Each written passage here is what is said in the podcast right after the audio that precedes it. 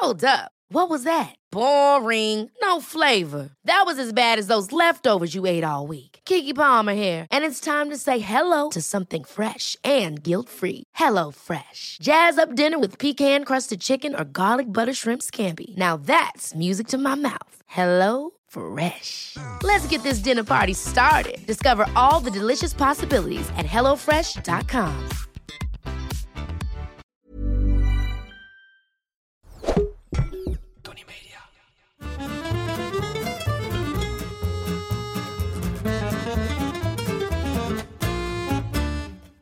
ben Julius Jaspers en ik ben meer dan dol op eten. Iedere week pak ik één product uit mijn voorraadkast en zal jullie daar alles over vertellen. Vandaag is dat de bitterbal.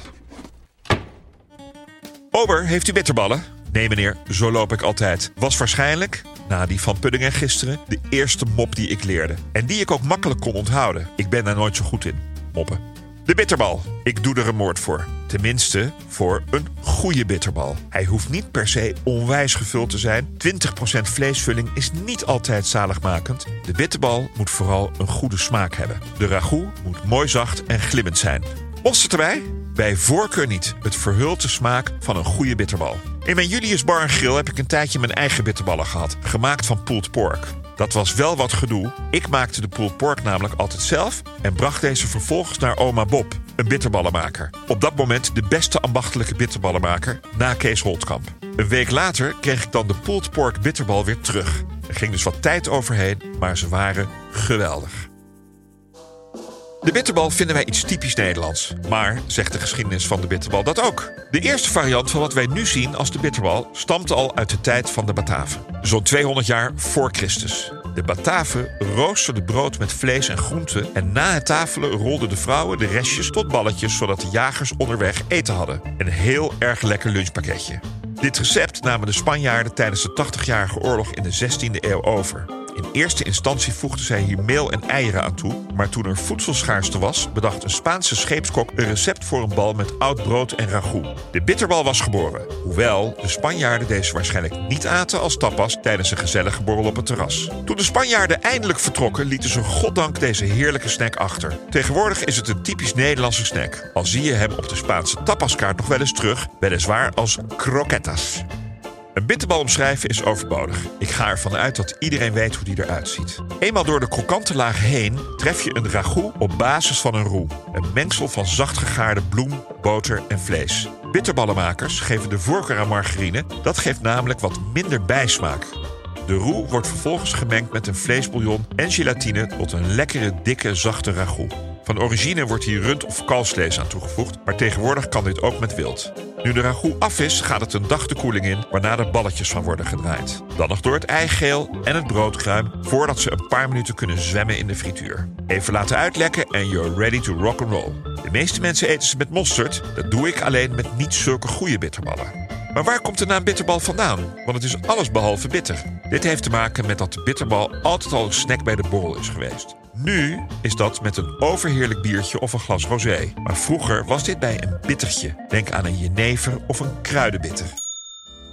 De hamvraag die niet over ham gaat, komt deze week van Joep Eikenaar. Beste Julius, wat is de meest walgelijke bitterbal die je ooit hebt gegeten? Nou Joep, dat is een hele lastige.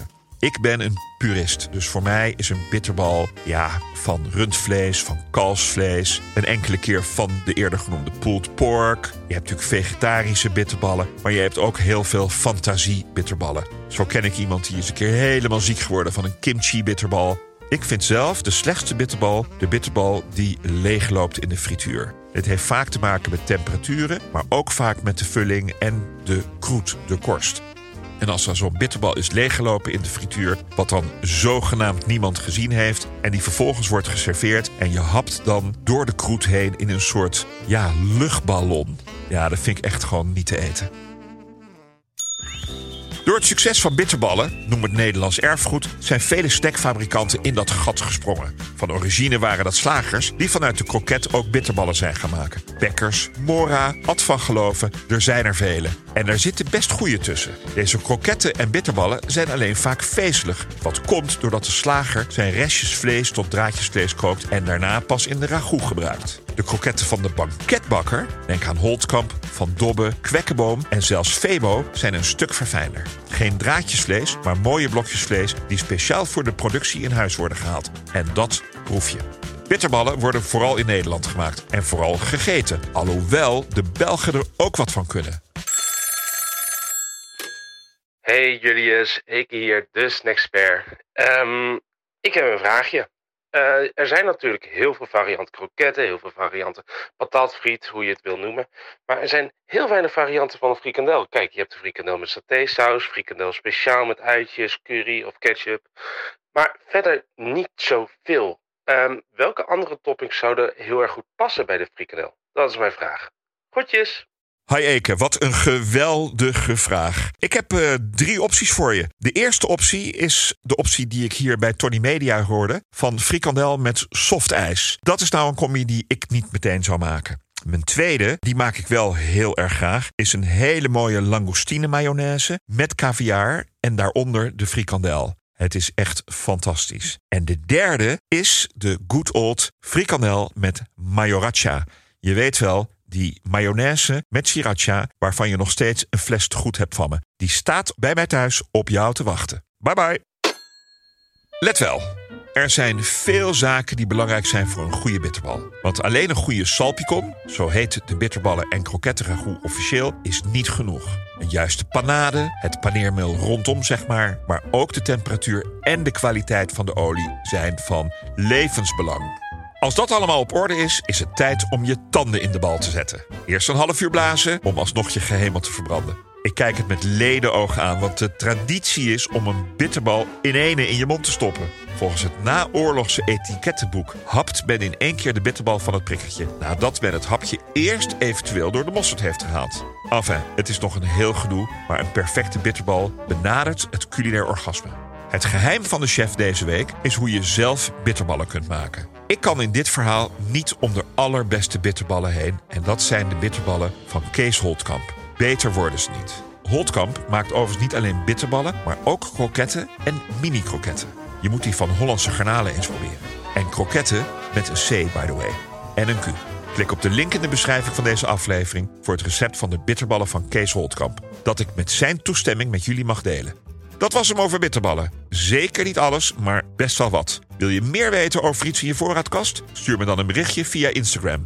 Julius Jaspers. Of ik weet het al, of ik zoek het voor je uit, maar ik geef altijd antwoord. De volgende keer heb ik het over gin. Dag. Ever catch yourself eating the same flavorless dinner three days in a row? Dreaming of something better? Well, HelloFresh is your guilt-free dream come true, baby. It's me, Kiki Palmer.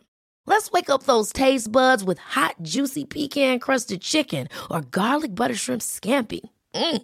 Hello Fresh. Stop dreaming of all the delicious possibilities and dig in at HelloFresh.com. Let's get this dinner party started.